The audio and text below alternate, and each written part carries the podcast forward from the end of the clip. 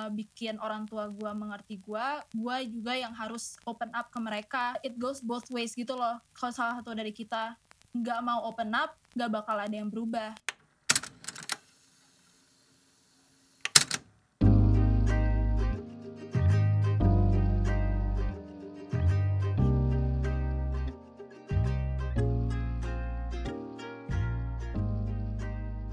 Hai guys, selamat datang kembali di podcast hashtag Zona Aman bersama gue JP. Dan gue Cheryl. Gimana seperti biasa nih, di sini selama 30 menit ke depan, gue dan Cheryl bakal nemenin kalian semua ngebahas isu kesehatan mental dari berbagai perspektif yang menarik nih Cheryl. Yoi. Dan di episode ini tuh spesial banget nih menurut gue, karena perspektif ini tuh perspektif yang paling menarik menurut gue, karena gue first hand kayak ngerasain kayak Asian parents tuh kayak apa sih. Hmm, Tapi hmm. mungkin belum bukan konteksnya, bukan konteks mental illness, tapi gue pernah ngerasain kayak, aduh kok kayaknya pikiran uh, orang tua gue tuh belum terbuka ya. Kayak Hmm. maksudnya belum open minded gitu lu ngerti gak sih? Cer? Lu, lu pernah ngerasain gak sih kayak, Iya, karena mungkin topiknya agak general kali ya, Jap. Apalagi kayak kita sama audiens-audiens di rumah tuh mungkin tumbuhnya harusnya sebagian besar di Asian household banget kan. Jadi Mhm. kayak culture-culture Asia atau Indonesia yang agak konservatif, tradisional. Oh ya, I'm not saying those values are bad, obviously kan. Tapi maksudnya kayak eh, ya culture-culture ini akan ada pengaruhnya terhadap pola parenting, eh, gimana cara kita berinteraksi dalam keluarga. Nah, makanya di episode ini kita akan bahas dari perspektif gimana sih eh, pola-pola asuh ini, culture ini tuh berpengaruh ke penderita gangguan kesehatan mental begitu. That's true. Kenapa perspektif ini sangat penting? Karena menurut gua keluarga itu adalah orang yang gua personally kalau gue bangun tidur gue langsung ketemu mereka. Mm-mm. Jadi semua kegiatan gua pasti ada hubungannya sama mereka. Kayak gak usah ke konteks ini deh. Konteks misalnya gue mau meeting, gue pasti mau apalagi kayak lagi corona gini, gue pasti bilang maaf Pak, tolong diem dulu ya meeting. Atau kayak semua action mereka pasti ada hubungannya sama kita. Bener, Makanya bener, bener. pasti kalau sama mental illness juga pasti ada hubungannya gitu loh share kayak makanya kita perlu harus undang orang yang kayak ada first hand experience yang ngerti gak sih kayak Makanya. jadi kayak mm-mm. lebih lebih grassroots gitu coba kita sapa dulu kali kayak guest star kita pada hari ini guest star Hello, hello, Hai, Tan. Tania. What's up? halo halo semua how are you Tan I'm good how are you guys Uh, kita baik-baik saja Yay. mungkin lo boleh kenalin diri dulu kali Tan ke semua teman-teman yang dengerin di rumah kayak nama umur uh, kuliah di mana segala macam Oke, halo semua. Gue Elizabeth Tania dan gue umurnya 21 tahun.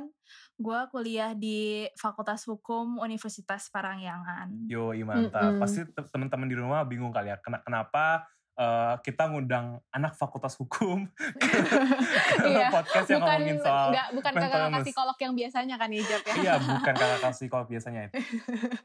mau kasih pelajaran hukum enggak.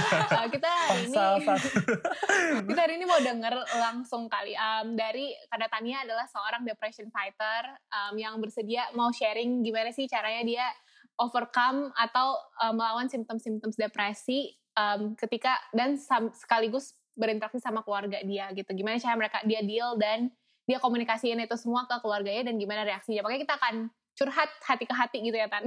heart to heart session nih with JP Cheryl and Tania. Heart to heart session.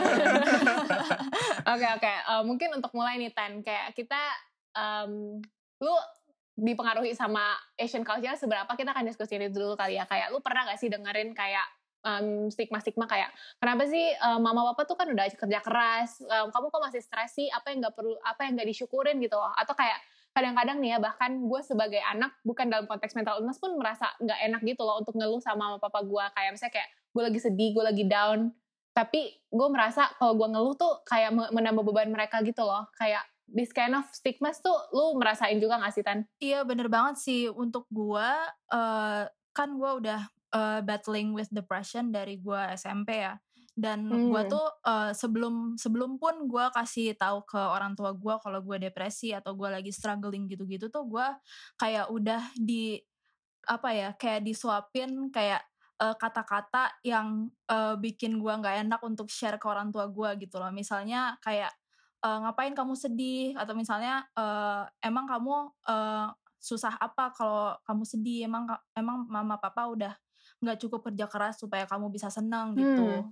Jadi beneran ada beneran nyata gitu ya kata-kata itu terjadi. iya benar Hmm. kan tadi lu Mm-mm. bilang nih Tan, kayak lu tuh udah struggling dari SMP with depression. Kayak waktu itu tuh symptomsnya tuh dari kegangguan kesehatan mental lo tuh apa sih? Kayak how did you know kayak awal-awalnya what was the point that you know that you weren't okay? Sebenarnya gue tuh uh, apa ya? Gue tuh udah cukup uh, lucky enough untuk tahu kalau gue tuh uh, depresi itu dari SMP karena gue juga ke expose ke hal-hal uh, tentang mental illness sama mental health dari gue kecil karena adanya internet. Nah, gue tuh uh, pas gue tahu uh, gue depresi itu karena gue tuh udah ngerasain kalau diri gue tuh merasa kosong uh, selama ya selama gue SMP tuh gue udah merasa kosong dan gue tuh merasa kayak gue nggak punya apa ya kayak nggak ada passion untuk ngelakuin hobi-hobi gue yang gue dulu suka. Misalnya gue suka uh, gambar gue suka desain kayak gitu-gitu gue tuh uh, setelah gue tahu kalau gue depresi tuh gue baru ngeh gitu. Kalau gue tuh emang udah nggak passion ke situ lagi. Dan gue cuman pengennya di tempat tidur aja pengen nggak uh, ngapa-ngapain kayak just staring into the wall kayak uh, bengong gitu. Dan itu tuh kerasa banget selama gue SMP SMA gitu gitu wow kira-kira dari awal-awal kayak dari SMP gitu tuh ada pengaruhnya nggak sih tan kayak sama kayak hubungan interpersonal lo sama kalau hmm. dari in your household ada nggak sih kayak one of your uh, family members yang udah notice kayak I think kayaknya Tania ada yang something wrong gitu? Or when did they start to notice uh, sebenarnya uh, mereka notice-nya itu baru setelah gua kuliah. Dan uh, sebenarnya uh, waktu gue SMP gue udah kayak drop hints ke mereka kalau gue tuh butuh pertolongan gitu. Karena gue yang karena ya gue privilege itu gue tahu ini sebenarnya gue sakit apa gitu. Dan gue udah uh, kayak drop hints ke mereka. Tapi uh, ya karena mungkin karena uh, stigma mereka atau misalnya budaya mereka yang mungkin mereka masih susah untuk menerima kalau sebenarnya gue sakit dan baru gue dan mereka baru mau menerima setelah gue kuliah gitu Hmm, artinya lu kayak hidup 6 tahun gitu ya. Saya dari SMP, SMA full itu kayak uh, lu battle sendiri sama depression lu gitu ya atau gimana? Iya, iya. Uh, tapi gue juga uh, cukup beruntung untuk gue punya uh, teman-teman gue. Terus uh, apa namanya? Uh, jadi gue tuh gue nggak nggak nggak hmm. nggak sesendiri itu gitu loh untuk ngebattling depression gue gitu. Hmm, tapi um, uh, kapan sih lu bisa decide untuk oh gue nggak bisa ngehandle ini sendiri gue butuh professional help atau gue butuh help dari orang lain lah setidaknya uh, sebenarnya gue baru decide kalau gue uh, butuh professional help itu setelah uh, setelah gue kuliah sih setelah I had this lowest point in my life yang sampai gue memutuskan oh gue nggak bisa begini terus gue hmm. harus uh, cari bantuan secara profesional gitu oh terus benar psikolognya uh, diagnose lu with depression gitu ya atau gimana? Benar. Iya, uh, setelah gue ke psikolog, gue ke psikolog sekali, terus uh, dia udah diagnosa gue uh, de major depressive disorder. Hmm. Abis itu uh, dia uh, untungnya ngerujuk gue ke psikiater. Jadi sekarang gue itu uh, ke psikiater gue setiap bulan untuk uh, ya untuk konsultasi dan juga untuk um, apa sih namanya di prescribe medication gitu gue mau nanya dong Tan kayak kan lo sempat bilang kalau misalnya orang tua lo tuh baru find out kayak correct me if I'm wrong tapi gue denger tadi uh, orang tua lo baru deng baru tahu uh, you had depression itu abis lo kuliah ya Tan ya? Iya. Yeah.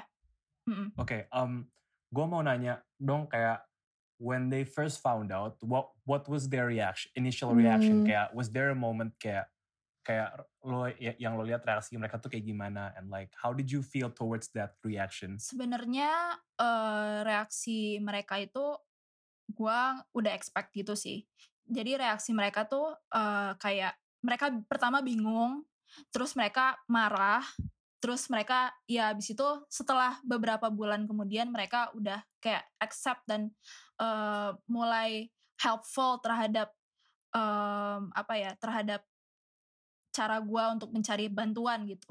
Pertama-tama tuh karena ya there's this lowest point in my life di mana setelah mereka tahu tuh mereka kayak bingung gitu loh kenapa gue ngelakuin ini dan kenapa gue bisa uh, kenapa gue bisa depresi seperti ini. Abis itu mereka uh, abis itu mereka uh, kalau nggak salah kayak marah gitu sih kayak apa ya kayak uh, ya gimana ya kayak uh, kenapa uh, dari dari mereka bingung karena mereka nggak ngerti mereka jadi marah gitu loh. Kayak ngerti ngerti nggak? Kayak iya kayak ngerasa hopeless kayak bingung gitu loh. Kayak kayak jadi jadi frustrated themselves gitu karena mereka nggak karena mereka nggak ngerti kenapa gue bisa kayak gini gitu. Nah abis itu setelah beberapa bulan mereka udah mulai accepting kalau gue uh, kalau gue ada uh, penyakit kayak gini dan mereka harus bantu gue dengan cara yang uh, dengan cara yang sesuai uh, gimana mereka bantuin orang dengan uh, penyakit hmm, depresi. Hmm, jadi uh, gue assume kalau lu nggak secara langsung mau minta bantuan mereka, tapi mereka tahu dulu gitu ya, baru lu minta bantuan. Iya, dan uh, sebenarnya gue juga cukup beruntung untuk punya uh, untuk punya orang tua yang juga open minded setelah mereka uh, setelah mereka tahu penyakit gue ini mereka lumayan uh, apa ya mereka lumayan open dan mereka lumayan accepting terhadap uh, terhadap depresi gue ini dan mereka udah sangat helpful sekali untuk mau yang uh, nganterin gue ke psikiater ke psikolog dengan ya dengan uh, ya gue tahu kalau misalnya kalau misalnya kita ke psikiater atau ke psikolog um, apa sih kayak biayanya juga ada biaya yang harus dibayar gitu loh dan mereka mau ngebiayain gue untuk find professional help gitu. Hmm, gue mau nanya dong Tan, kayak tadi kan lo bilang kayak ada shift dari mindset parents tuh yang tadi kayak kalau kata Cheryl tuh kayak mereka ngerasa helpless.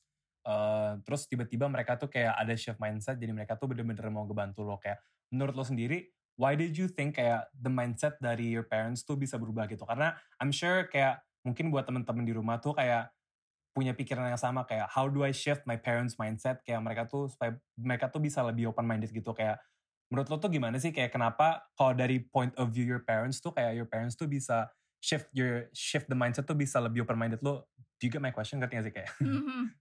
Uh, jadi um, sebenarnya gue tuh orangnya nggak suka konflik ya. Mm-hmm. jadi uh, hmm. gue nggak suka I don't like this serious talk that I have to do with my parents. Mm-hmm. I don't like this serious talk with my parents uh, about the things that I go through karena gue ngerasa kayak this is this is kayak my own personal problem gitu karena selama bertahun-tahun ini gue udah uh, apa ya kayak avoiding this topic with my parents karena gue takut gue dijudge atau misalnya mereka nggak bakal accept gue dan gitu-gitu um, tapi turning pointnya itu adalah ketika setelah gue go through that lowest point in my life, gue um, apa ya, I finally have this talk dengan bujuk dengan uh, apa ya, dengan uh, saran dari dulu pacar gue kalau kalau gue mau uh, bikin orang tua gue mengerti gue, gue gue juga yang harus open up ke mereka tentang uh, tentang masalah gue karena uh, it goes both ways gitu loh. Tapi kalau Iya, tapi kalau salah satu dari kalau salah satu dari kita nggak mau open up, nggak bakal ada yang berubah gitu. Jadi gue, uh, jadi gue uh, akhirnya ngomong ke pertama ke mama gue kalau gue tuh sakit ini dan uh, symptomsnya tuh ini ini ini dan yang yang gue butuhin adalah ini ini ini. Dari situ orang tua gue udah mulai open up dan mereka uh, uh, apa ya, luckily secara ya gue beruntung banget mereka tuh sendiri mau uh, apa ya mereka mau uh, searching sendirilah penyakit tentang penyakit gue dan mereka mau iya dan mereka tuh uh, apa ya kayak mereka juga konsultasi ke orang-orang yang mereka kenal tentang depresi dan mereka juga um, akhirnya mau mengerti dan mau uh, apa ya nge-approach uh, depresi gue ini dengan uh, lumayan uh, dengan cara yang helpful gitu. Hmm. Jadi mungkin bisa disimpulin keluarga lu tuh awalnya nggak ngerti karena kalau misalnya nggak mau menerima karena nggak ngerti kali ya. Maksudnya kayak mereka juga nggak tahu mau mulai dari mana, makanya mereka nggak bisa melakukan apa-apa gitu. Iya nggak? Atau enggak? Iya, iya bener banget. Bener banget. Hmm, tapi kalau gitu waktu lu early days of depression lu uh, reach out ke siapa dulu? Dulu gue reach out ke uh, waktu gue SMP gue reach out ke teman baik gue sampai sekarang. Itu pokoknya uh, gue nggak dalam butuh dalam posisi di mana gue butuh bantuan. Karena gue ngerasa kayak uh, gimana ya kayak ya gimana sih gue anak SMP gitu gue masih belum ngerti apa-apa. Jadinya kayak apalagi tentang hal depression walaupun gue juga punya resources that I need misalnya internet untuk tahu uh, gue butuh apa kalau misalnya gue depresi gue masih kayak takut lah intinya intinya kayak untuk reach out dan uh, confide ke profesional gue juga masih takut. Jadi gue ada kayak teman baik gue yang gue ceritain hal-hal yang bikin gue depresi itu apa. Dan itu tuh luma, masih lumayan ngebantu gitu loh to keep me apa ya gimana ya kayak to keep me afloat in life gitu. Jadi seenggaknya kita punya orang di sisi kita gitu ya maksudnya iya uh, pokoknya ya dari uh, dari psikolog gue yang gue dapetin itu the first thing that you need for uh, battling depression is your is a support group. Jadi misalnya teman kamu, uh, keluarga kamu, apa pun yang bisa uh, ngebantuin lo untuk uh, go through your days itu uh, itulah yang lo butuh gitu untuk battling this uh, this mental illness called depression hmm, gitu. Wow. Kalau dari kan tadi Cheryl nanya dari early days lo nih, gue juga penasaran kayak wa, uh, kan awal-awalnya kayak initial response-nya mungkin kayak bukan uh, respon yang lu harapkan gitu ya Tan dari orang tua lo. Kayak why do you think kayak families kayak mungkin I specifically ask from your family ya. Yeah. Jadi kayak jadi kayak your family's point of view tuh kayak why did they have a hard time kayak trying to accept the fact kayak misalnya anak mereka tuh ada yang terkena gangguan kesehatan mental. Menurut lo tuh kayak gimana sih? Um, untuk pertama-tama tuh uh, kayak awal-awalnya tuh orang tua gue tuh ngerasa kalau gue tuh uh, nge, nge apa ya apa sih uh, ada depresi tuh karena gue kurang ibadah atau misalnya karena gue kurang berdoa gitu uh, terus ada juga yang ngerasa ada juga hal-hal uh, di mana mereka bilang kalau gue tuh karena eh misalnya kayak gue gak butuh professional help karena gue udah ada mereka gitu untuk uh, untuk bercerita di mana gue bisa menceritakan hal-hal yang gue lewatin ke mereka. Makanya gue nggak butuh professional help.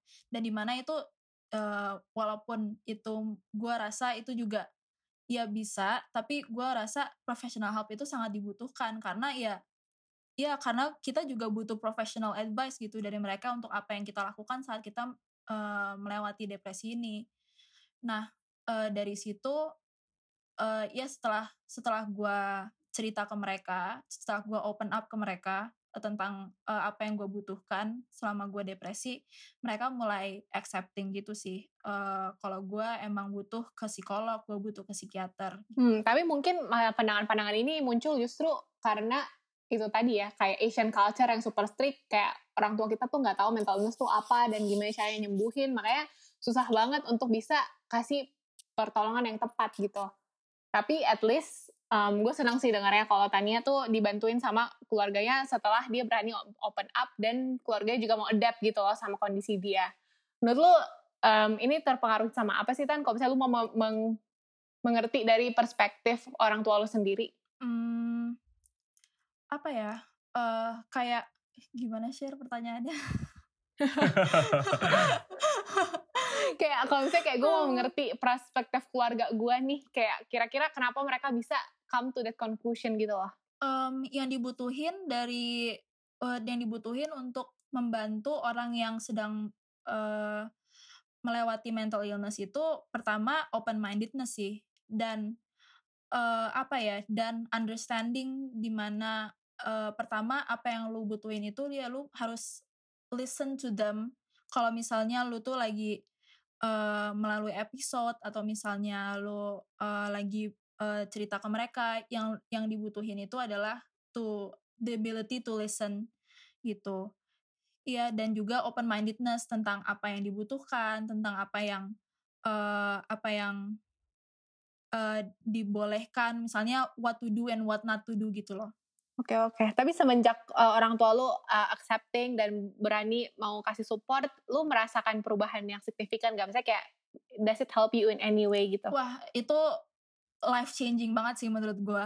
Karena selama hmm. gue battling with depression kan kayak gue enam tahun tujuh tahun gitu gue ngelakuin ini sendiri gitu dan se hmm. setelah gue ada support dari orang tua gue itu ngebantu banget sih pertama dalam hal kalau misalnya gue lagi symptoms gue lagi uh, apa ya terjadi gitu gue uh, bisa share ini ke orang tua gue dan mereka tahu gitu apa yang harus mereka lakukan untuk uh, untuk membantu gue supaya gue nggak misalnya nggak nggak ada depresif episode atau misalnya depresif episode gue bisa diminimalisir lah.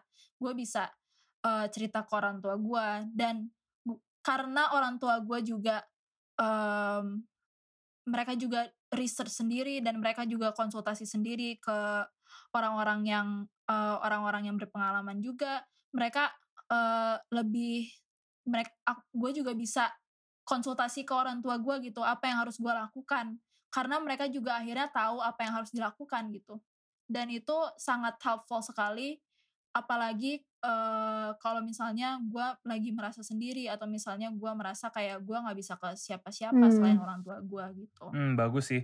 Tapi kira-kira nih tan, uh, kan lu bilang maksudnya your parents are kayak wah gila mereka udah berubah banget and they're super kayak super helpful terhadap lu and your mental state sekarang kayak how do you kayak in the status quo sekarang kayak how are you coping up kayak nowadays sekarang kayak uh, gimana sih kayak misalnya uh, kalau misalnya lu lagi sedang ada misalnya you're having an episode gitu terus kayak uh, what would your parents response be sekarang dibanding sama yang dulu menurut lu tuh kayak gimana tuh? Hmm. Um, kalau sekarang coping mechanism gue pertama itu uh, jujur aja itu medication ya karena itu sangat ngebantu banget. Hmm. Tapi selain itu um, gue ada support dari uh, orang tua gue dulu tuh misalnya kalau gue cerita ke orang tua gue uh, orang tua gue tuh bakal gimana ya kayak nanggepnya negatif gitu.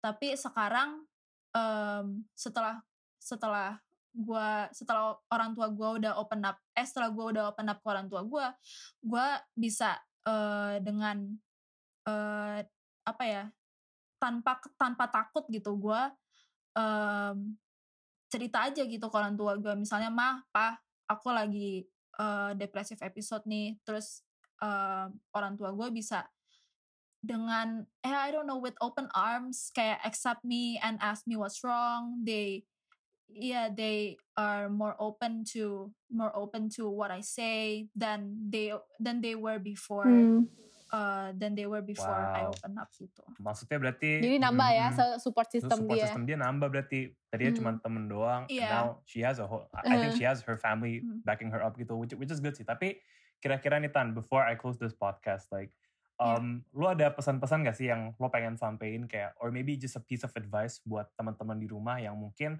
masih struggling with uh, opening up to their parents or maybe just like uh, with their mental well-being di rumah kayak they're not feeling comfortable kayak like what you said uh, kayak in your early stages gitu awal-awal yang belum berani open up kayak uh, what's your advice to them and kayak pesan-pesan lo tuh buat mereka tuh sekarang apa? Um, yang gue tahu dari pengalaman gue doing the hard and serious conversation is the hardest thing that anyone could do when they're dealing with mental illness.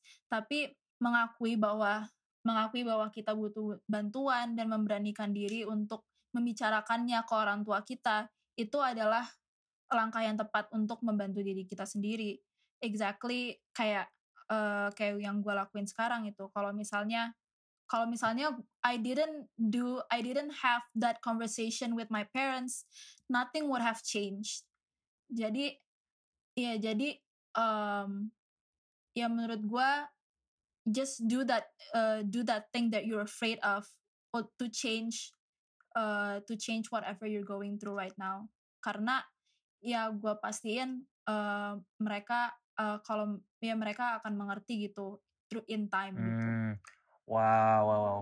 Thank you banget ya Tania udah berani sharing sama kita hari ini. Like Sama-sama. this is a really brave thing for you to do, and I think you're really inspiring uh, a lot di rumah ya share pasti ya share kayak pasti ngebantu banget teman-teman yang struggling. Hmm. Benar-benar benar. Tapi yang jelas yang gue pelajarin nih Jeb dari Tania, ketika kita ya kayak merasa semua beban-beban itu sendiri, itu di so much harder gak sih dibandingkan kita hmm, share ke orang banget. tua. Iya, mm. Dan kayak kalau misalnya kalian struggling, kalian masih bingung, ikut aja template Tania yang tadi ya. kayak maaf pak, um, I'm struggling with this. Habis itu um, symptomsnya ini dan I need your help in this this this this, this. maksudnya kayak biar kita juga nggak impose burden terlalu berat ke orang tua kita mm -hmm. biar mereka nggak bingung harus ngapain.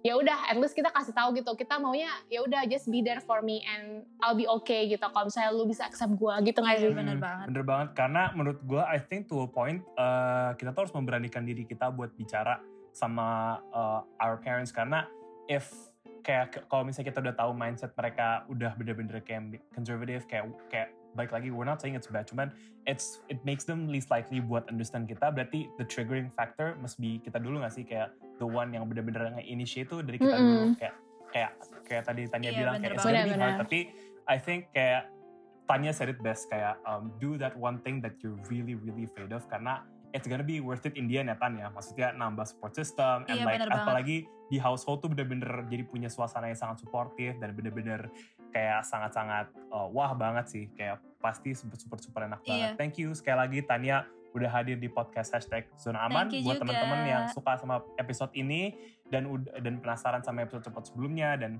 bisa uh, follow kita di Spotify podcast hashtag zona aman. Selain itu bisa follow Instagram kita di At Shine @shine_id. IDN Oke kalau gitu thank you banget ya teman-teman. Thank you banget sekali lagi buat Tania yang udah dengerin pod- uh, udah udah mau sharing podcast kita dan buat teman-teman di rumah yang udah dengerin podcast kita. Kalau gitu gue pamit. Nama gue JP dan gue Sheryl. Sampai jumpa di podcast hashtag zona aman selanjutnya Bye, guys. See you. Bye.